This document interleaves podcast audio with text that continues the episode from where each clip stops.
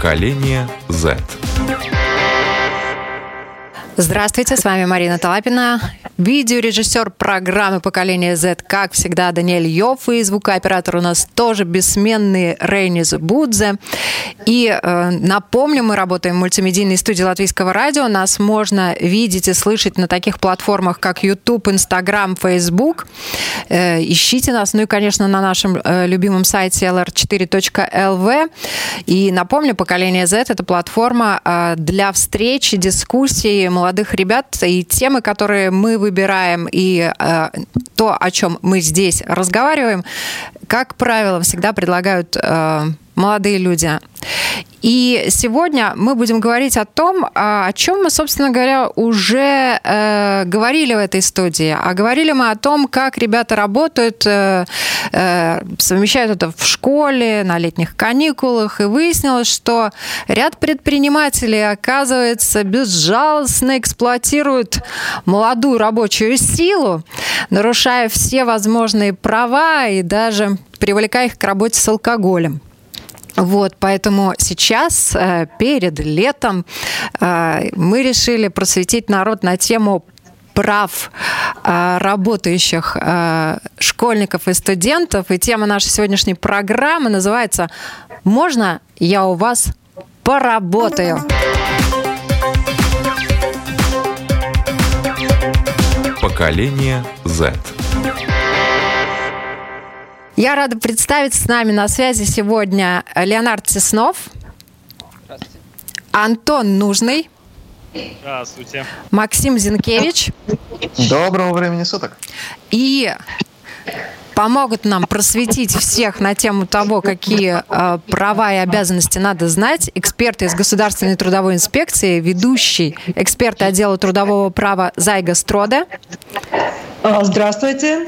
И ведущий эксперт по охране труда Ария Матисона. Здравствуйте. А, спасибо всем большое за такую интересную кампанию. И первый вопрос, конечно, я хочу ребятам задать, а, потому что далеко не все знают о вашем опыте работы. У кого-то он есть, у кого-то его нет. Ну, давай, Антон, наверное, начнем с тебя. Расскажи о своем трудовом стаже. Со скольки лет ты начал работать и где ты уже, возможно, применил свои силы и заработал деньги?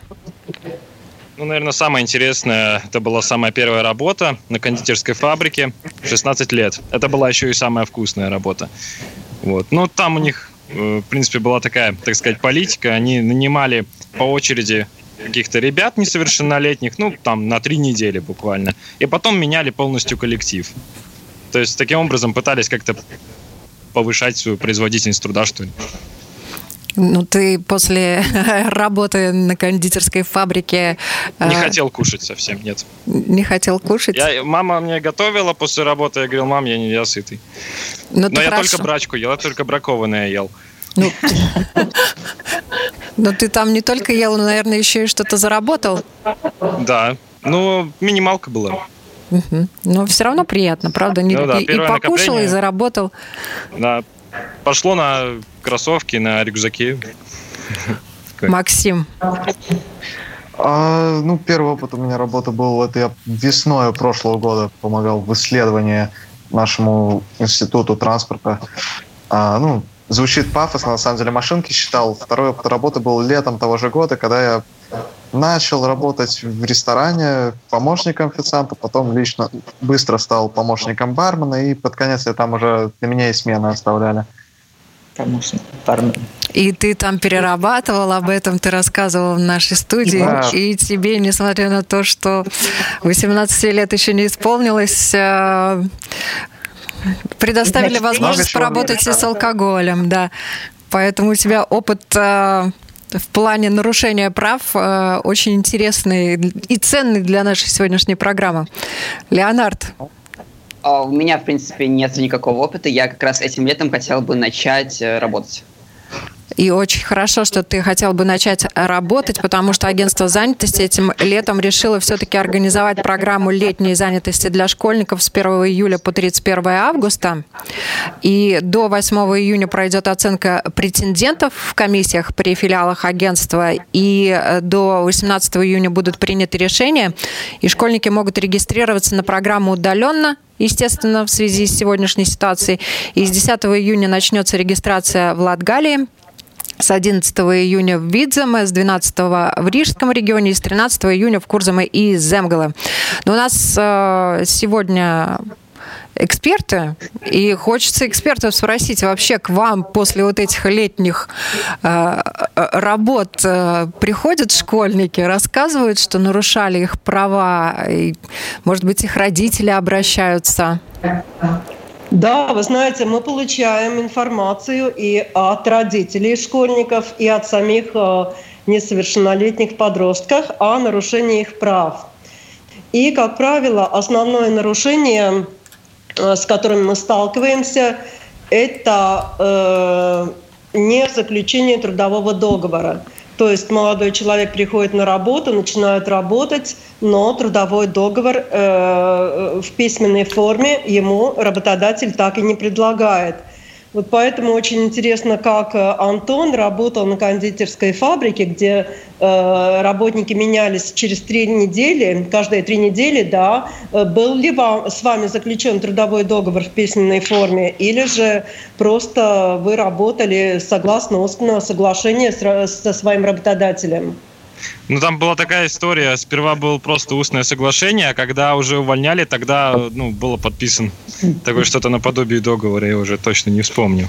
Тогда, Антон, вы счастливый человек, что с вами не, не случился ни один несчастный случай, что во время работы вы не заболели, да, э, потому что иначе вы потеряли бы все возможные гарантии которые предусматривает закон э, работнику, который, с которым происходят несчастные случаи на производстве, э, который заболевает эм, и так далее. Я, конечно, надеюсь, что заработная плата вам была э, оплачена в том размере, как, как вы договорились устно.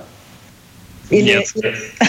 О, вот видите, нет, да? да? То есть первое правило, ребята, я думаю, что вас уже учат в школе, да, и даже когда вы получаете основное образование, что начинать трудовые отношения без письменного трудового э, договора – это противозаконно.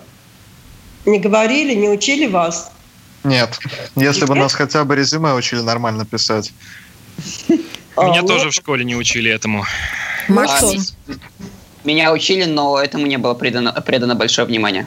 Да, вот видите, вот как ваши, э, ваши коллеги уже рассказывают и делятся о своем первом опыте, да, что э, работа без трудового договора, да, она да, э, она может быть и с положительными эмоциями, например, возможность полакомиться сладостями, да, но тем не менее оплачивается не все рабочее время. Э, э, я не думаю, что вам выплачено было выходное пособие, да, и хорошо, что между вами не было трудовых споров, потому что без трудового договора потом доказать свою правоту, свои права э, сравнительно сложно. Итак, э, трудовой закон обязывает каждого работодателя, который нанимает э, работника, будь то он несовершеннолетний, будь то он уже в нашем возрасте, да, то есть э, когда создаются трудовые отношения, они могут создаваться только на основании письменного трудового договора. И в течение и, какого времени этот трудовой договор этот необходимо... подписывается до начала работы. Это обязательно. И приступать к работе перед тем, как подписан э, трудовой договор в письменной форме, нельзя, и работодатель ваш не имеет права э, допустить вас к работе без этого документа. Э, в рамках нашего надзора трудовая инспекция ну, примерно каждый год э, плюс-минус 30 э, случаев рассматривает когда несовершеннолетние э, молодые ребята были допущены к работе без трудового договора. Э, в таком случае мы э, начинаем административное дело производства и рассматриваем вопрос о привлечении работодателя к э, административной э, ответственности. А вот тут хочется, кстати, ребят спросить тоже. Вот вы вообще, э, Максим, у тебя хороший опыт в этом отношении. Ты когда пришел на работу, тебе предложили сразу подписать договор? И предложили ли вообще? А, да, сразу предложили, и я его подписал. Буквально на следующий день уже вышел на работу. Да, Максим, но очень интересна ваша профессия, да, э, на которой вы, вы работали. Э, помощник бармена. Что же входило в ваши обязанности? Нет, я вы был торговали? помощником официанта. А, хорошо, момент. официанта. Официально понимаю. Потом меня пристроили в бар, потому что там сперва нужно было стаканы протереть. В итоге я так понравился барменам, что и дальше меня там брали на помощь. А, а в этом один... баре торговали, э, были ли алкогольные напитки? Конечно, были. Но вы как... из алкогольных напитков. ну да. Э, ну, может быть, и молочный бар, да, кстати, вот э, такие тоже известны. Да, но вы как несовершеннолетнее лицо не имеете права работать в местах, где есть доступ к алкоголю или же к сигаретам это строго запрещено э, законом, и э, ну, работодатель тоже может быть привлечен к ответственности за такого рода э, правонарушения. Я хотела, в свою очередь, добавить, вот по соцопросам только один из пяти школьников до 18 лет не получил опыта работы. Вы упомянули о 30 случаях плюс-минус в год, когда после лета к вам э, обращаются школьники о том, что с ними не были заключены договоры. А интересно, вот сколько э, молодого народа на самом деле, может быть, попадает в такую же ситуацию, просто не обращается. Ребята, вот у вас, может быть, есть какой-то опыт среди ваших сверстников, с кем заключили договор, с кем не заключили договор, или о таких нюансах вы вообще не разговариваете между собой? Ну, я лично, насколько знаю, что часто не заключают договор, потому что налогов боятся. Я такой нюанс знаю. Налогов боится кто? Ну, сам работник, что его заставят за, ну, на заработную плату платить налог. Ага. Я знаю только такой нюанс, что поэтому часто их не заключают вообще, что в конвертах получать, так сказать. Леонард, а вот тебе хочется заключить договор после нашего? Да. На самом деле Разговор. хочется заключить, потому что вдруг я заболею, вдруг со мной что-то станет. Хотя фактически Возможно, я и заработаю меньше, чем если бы работал по черному, но хоть какие-то гарантии есть. Совершенно верно. И это да, очень х- хороший момент, да, потому что действительно договор, он э, гарантирует, что человеку оплачет, оплатят какие-то больничные деньги. И вот тут еще вопрос о страховке. Э, обязаны ли работодатели платить страховку от несчастного случая своим сотрудникам? Пускай они даже там на короткий период времени э, заключают договор о работе. Э, да, э, да, работник, у которого заключен трудовой договор и за которого работодатель платит налоги, э, он также страхуется от несчастного случая. Да, это происходит автоматически. И когда, если, ну, как, как говорится, ну, несчастный случай происходит, то тогда э, все работники могут получить э, э пособие от э, государственного социального страхования в зависимости от тяжести тяж, э, несчастного случая. Какое увечье нанесено работнику, да, какие, какое, какая трата нетрудоспособности. Да, так что так. Ребят, а как вы работодателей выбираете? По репутации, по объявлениям, по сарафанному радио? А, вот у меня все опыты, что были, два, они были именно через знакомых по сарафанному радио. В сути, да, через знакомых людей, которые предлагали работу. Антон, у тебя? Ну, мне лично кажется, что поиск работодателя не идет по такому принципу. Я хочу у него работать, он красивый, там, или я, у него глаза некрасивые, не хочу работать. Мне кажется, что работают там, где работа вообще есть.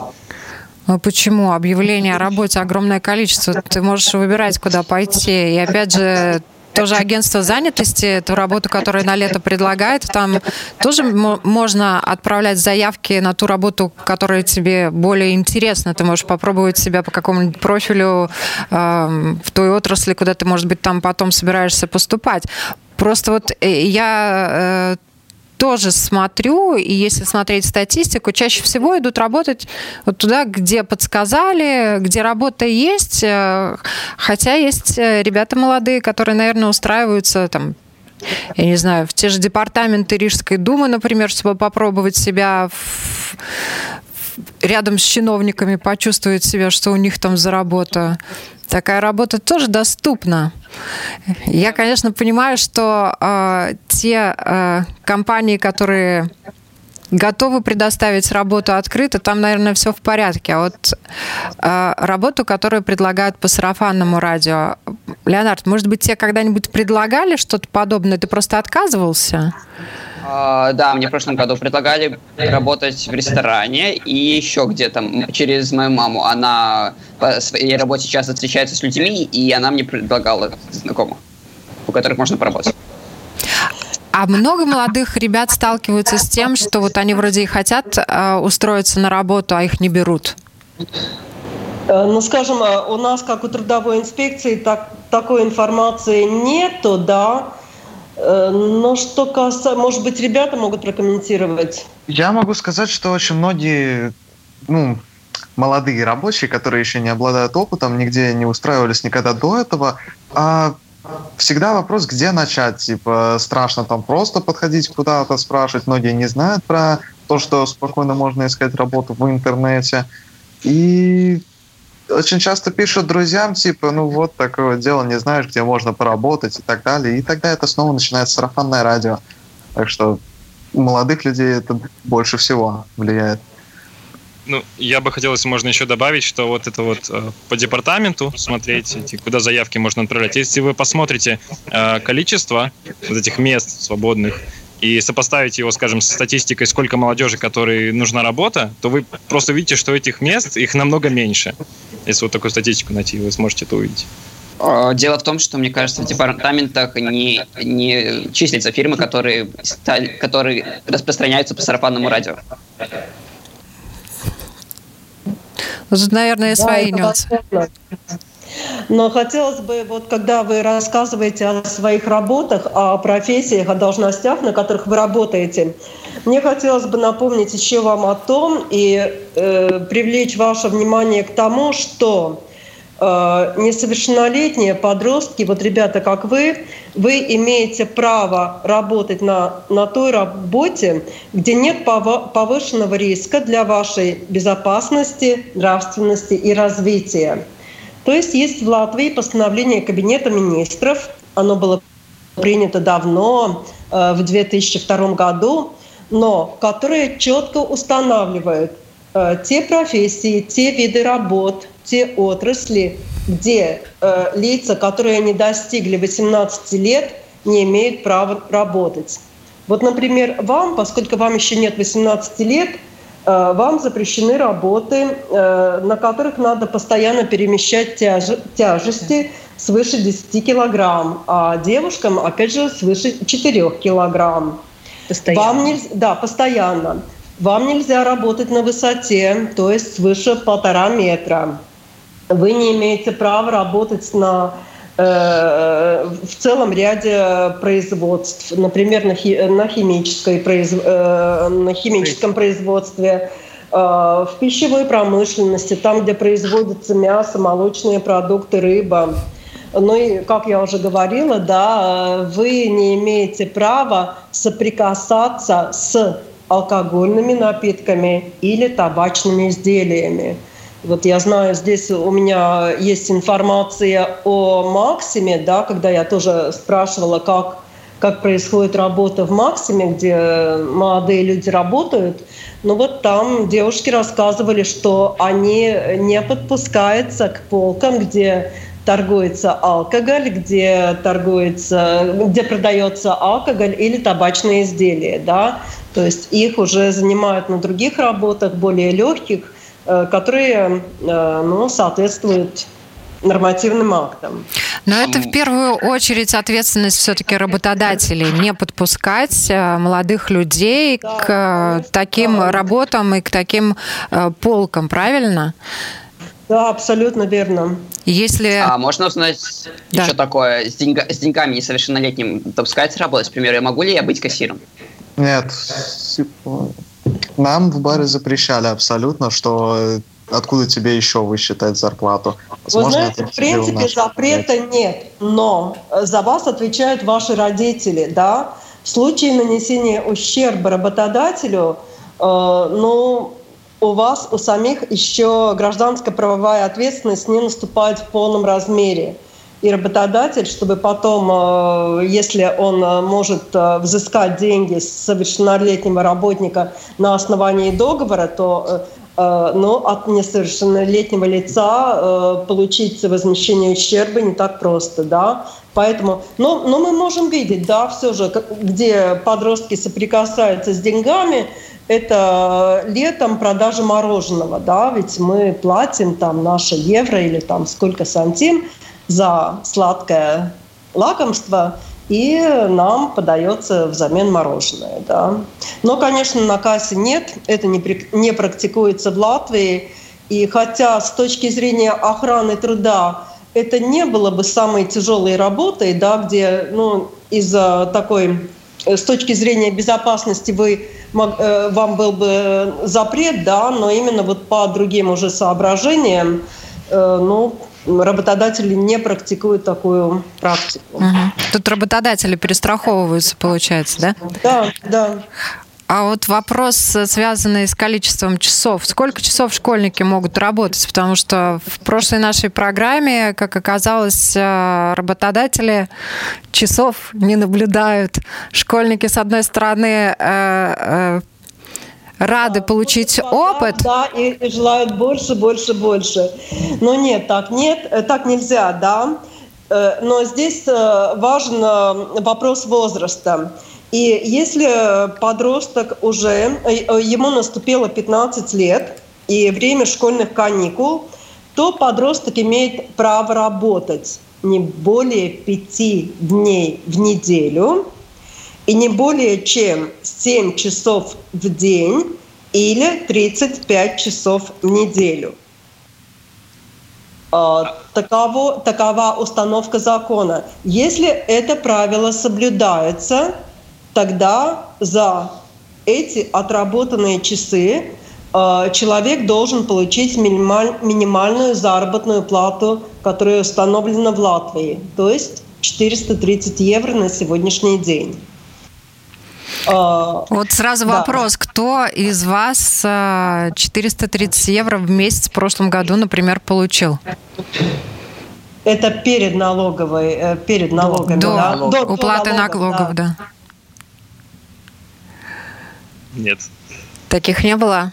А, а кто-то из ваших знакомых? Не считали. А кто-то из ваших знакомых вот получил хорошие деньги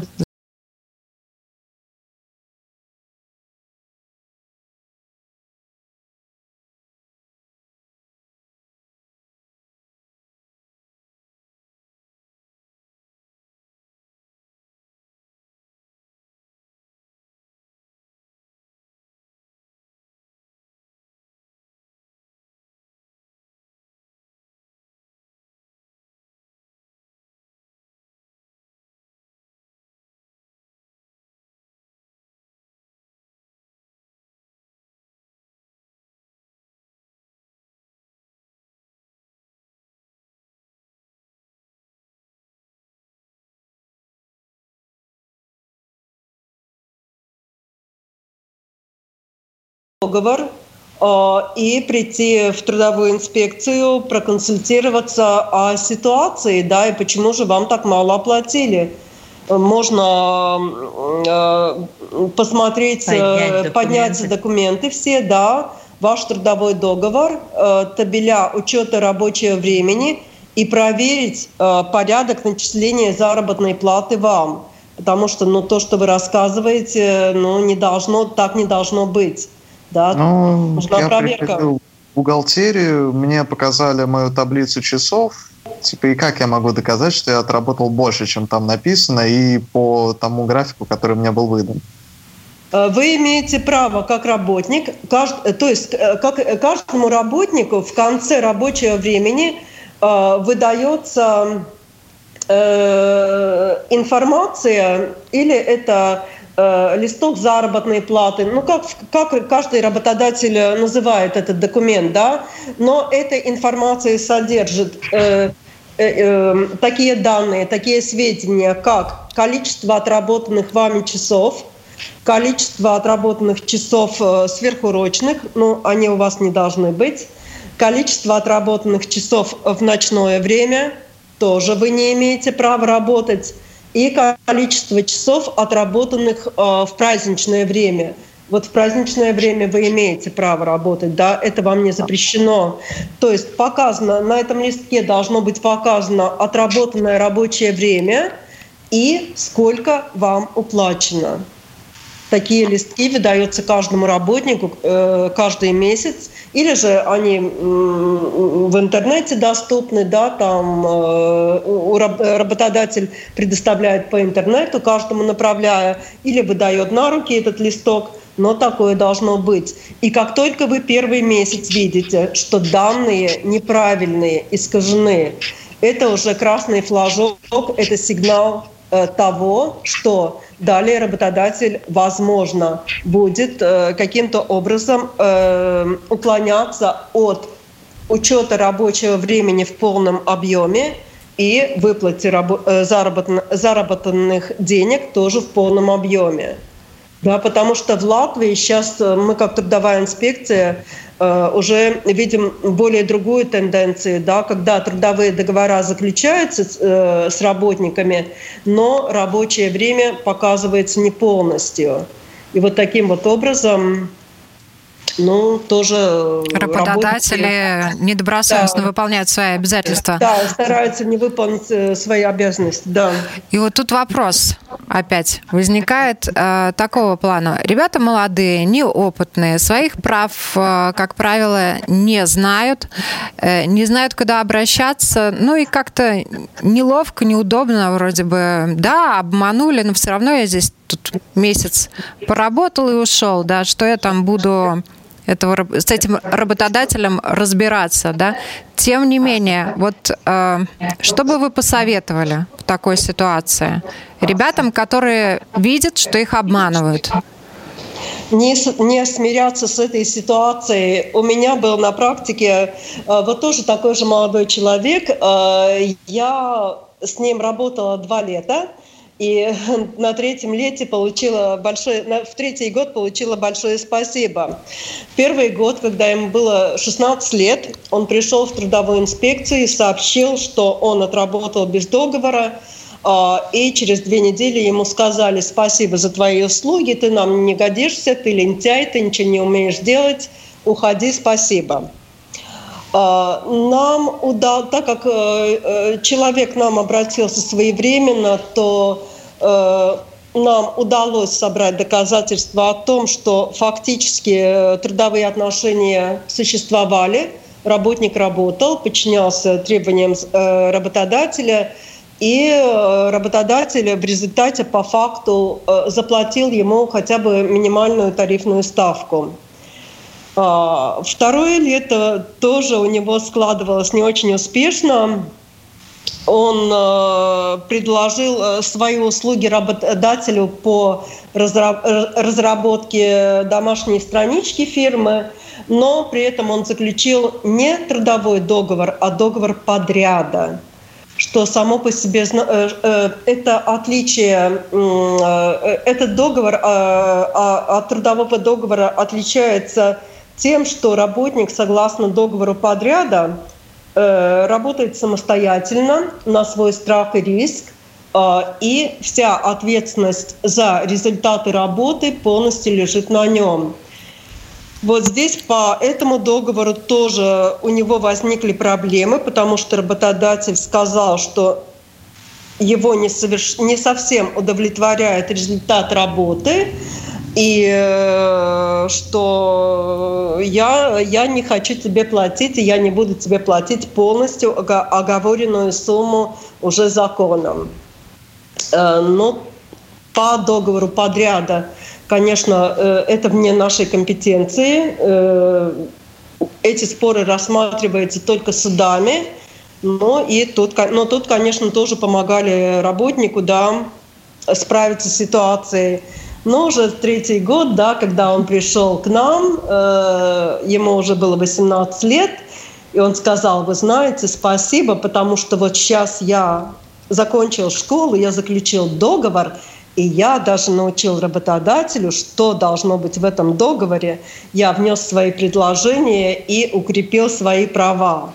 Ну, я была очень рада за него, да, потому что вот два года очень такого э, плохого опыта, да, грустного опыта, но на третий год он понял э, вот такими вот методами проб и ошибок, да, как надо работать, как надо э, бороться за свои права и какой может быть результат, да, так что а так что, можно? Э, да, пожалуйста, да. Сразу вопрос. А какие вообще есть средства экстренного реагирования на подобные нарушения? Э, вы обращаете, э, э, то есть работник, когда нарушаются его права, он имеет, он, во-первых, ну, самый нормальный путь – это путь переговоров между работником и работодателем. Спор решается между ними на месте, да, путем переговоров. Если это невозможно, тогда работ, у работника дальше есть два пути. Первый путь – он обращается в Государственную трудовую инспекцию, и мы, осуществляя государственный надзор за соблюдением трудового законодательства, э, идем к работодателю разбираться с ситуацией. И, и, конечно, тогда уже рассматриваем не только вопрос самого работника, но смотрим в целом ситуацию э, в сфере охраны труда и трудового права. А второй путь – это обратиться в суд и э, путем подачи искового заявления через суд защитить свои права. Это, правда, уже более длительный путь, да, потому что судебный, судебный процесс он не завершается так быстро, как как скажем, наше рассмотрение, э, э, рассмотрение жалоб работников, работников у нас, но в некоторых случаях он тоже необходим. Да? Может так быть, что... ваша коллега тоже добавит э, что-то, вот, потому что все-таки и ребята говорят, очень много школьников работают нелегально, и, как Антон упомянул, они хотят таким образом зарабатывать больше денег, не платя налоги, например, но с другой стороны, они действительно рискуют, они совершенно не застрахованы ни от несчастных случаев, ни от э, недобросовестных э, работодателей. Э, я хочу добавить вот что. Вы молодые сейчас, вы все пользуетесь интернетом, у вас прекрасные знания технологические, и может э, звучит так э, обращение в суд, это для вас так, ну, тяжко и долго. Вы можете написать просто в трудовую инспекцию, вы можете позвонить очень быстро, то есть уточнить, у вас сомнения насчет какого-то вопроса, вам, может, предоставили договор, трудовой договор, но вы сомневаетесь, вам что-то не нравится, нравится, вы можете написать, вы можете позвонить или подойти в инспекцию, и вам всегда помогут. То есть э, не надо стесняться. И э, мы много говорили тут о трудовых договорах, но я хочу еще немножко добавить об охране труда.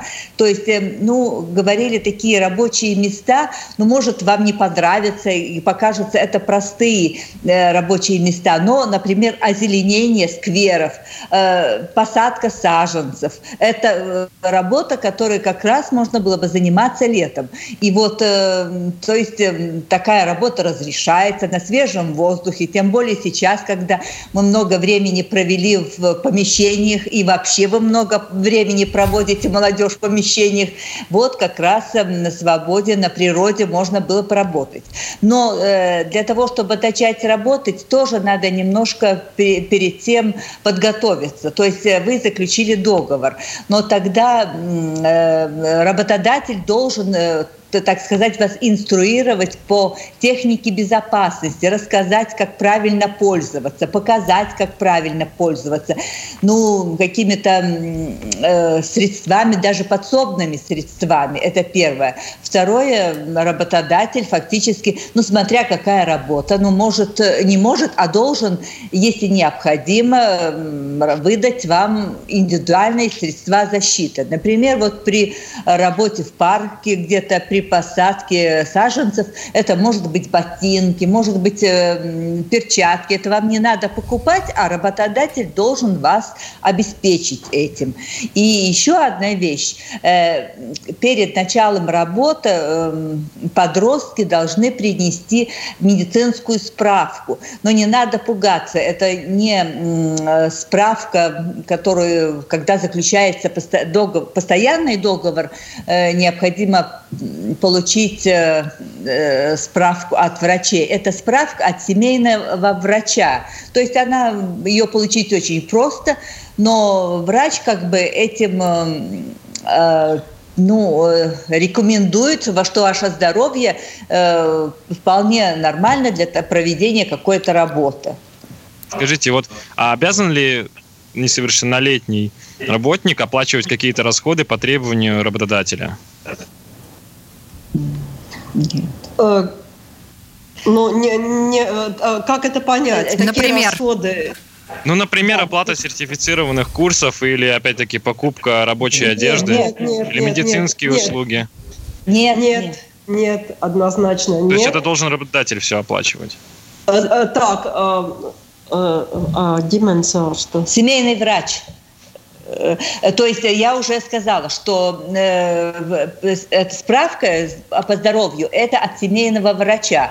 Ну да, вы должны э, обратиться к семейному врачу, ну и если это стоит какие-то там то есть, ну, Пациентский взнос, обычные... но это больше касается да, детей, которые верно. старше 18 это, лет, да. по-моему. До 18 лет все-таки бесплатно, значит, да? Значит, вам это бесплатно только такую справку. Потом, я уже сказала, если по работе, по виду работы вам необходимы какие-то средства, ну, мы называем их э, средства индивидуальной защиты, то э, работодатель должен вам их выдать. Вы не должны покупать за свои деньги.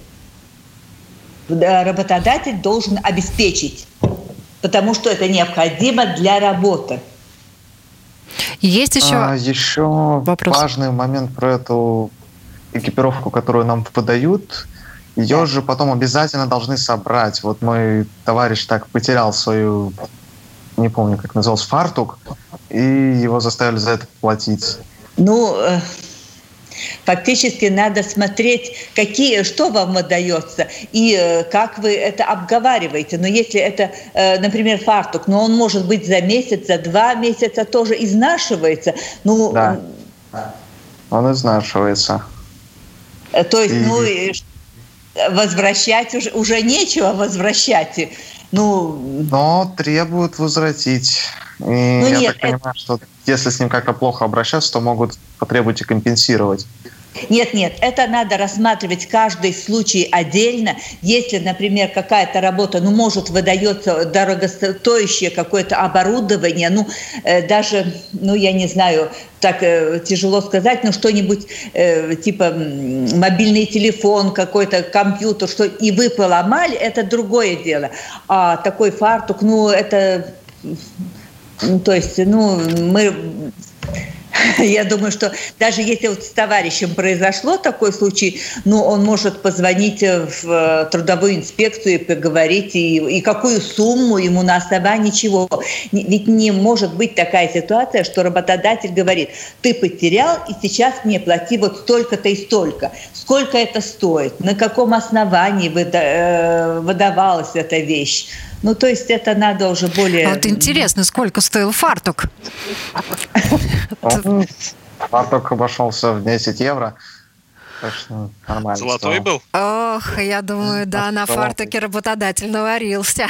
Да, очевидно, да. Э, тут надо каждый случай рассматривать действительно индивидуально, да, и э, каждое... Э, то есть, что важно еще запомнить, да, вот в вашей ситуации, если работодатель говорит, я тебе, э, вот ты заработал 100 евро, но я выплачу только 90 и удержу эти 10 евро, э, такая, такое поведение неправомерно, такое требование неправомерно.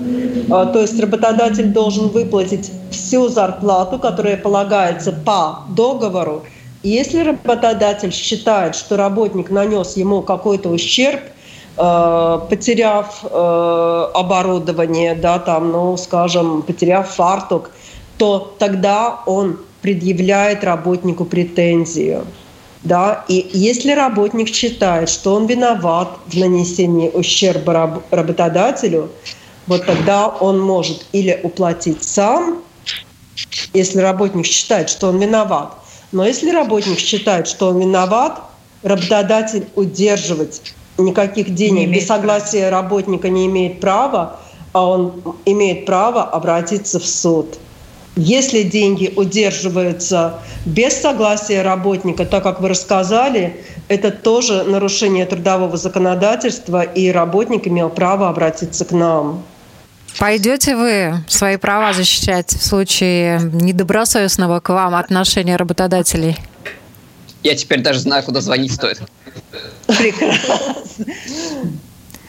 Значит, наш разговор не прошел зря. Хоть что-то вы запомнили. Запомнили, что существует трудовая инспекция, которая занимается трудовыми и эм, э, вопросами. вопросами, да, и вопросами по охране труда. Ну, то есть вы можете всегда консультироваться. Просто напишите. Это даже не надо встречаться. Ну, вопрос напишите, и вам отвечут, ответят. А можно ли последний вопрос, пожалуйста? Давай, конечно. Очень, мне кажется, важный для школьника. Мы отошли от темы немного а, о том, что несовершеннолетние хотят больше зарабатывать, поэтому работают больше, чем можно по закону. А скажите, а имеет ли право несовершеннолетний запросить э, уплату сверхурочных? Не, э, несовершеннолетний не имеет права работать сверхурочные часы. Э, это будет считаться нарушением со стороны работодателя. И, конечно, Э, мы имеем право привлечь его к ответственности. Но если все же такая ситуация происходит, то, конечно, э, работник должен получить все, что он заработал, но в том числе и, конечно, за отработанные сверхурочные но работодатель должен, который обязан знать закон, да, потому что у него и много опыта, и, и целая армия юристов, которые на него работают, да, работодатель должен считаться с тем, что э, у него могут выйти неприятности с нашим надзор, э, с нашей, с нашей организацией. Да. То есть ну, закон всегда выше трудового договора, верно? Трудовой договор должен соответствовать закону. И в трудовом договоре можно включить только те условия, которые... только те правила, которые улучшают правовое положение работника все то, что включено в трудовой договор и ухудшает правовое положение работника, а, с момента подписания считается недействительным. Да? Даже если вы это подписали, это неправомерно и не имеет юридической силы. Вот буквально короткий совет от вас, ребят, своим одноклассникам, однокурсникам и всем остальным, если они решили устроиться на работу, первое, что, на ваш взгляд, они должны обязательно сделать? Заключить договор. Раз. Антон. А, да, заключить договор и, главное, перечитать его и обратить внимание на классификатор. Классификатор, классификатор профессий и посмотреть в интернете, что э, их не может заставлять делать работодатель по классификатору профессий. Максим? Не бояться. Да. Любые да. проблемы можно будет уладить. Прекрасно. Спасибо огромное вам за эту беседу. Я напоминаю сегодня о том, что ребята хотят работать и хотят, чтобы работодатели с ними заключали договор, работали добросовестно. Об этом говорили Максим Зинкевич, Леонард Теснов, Антон Нужный и эксперты из Государственной трудовой инспекции, ведущий эксперт отдела трудового права Зайга Строда и ведущий эксперт по охране труда Ария Матисон. Спасибо всем большое и всем хорошего дня.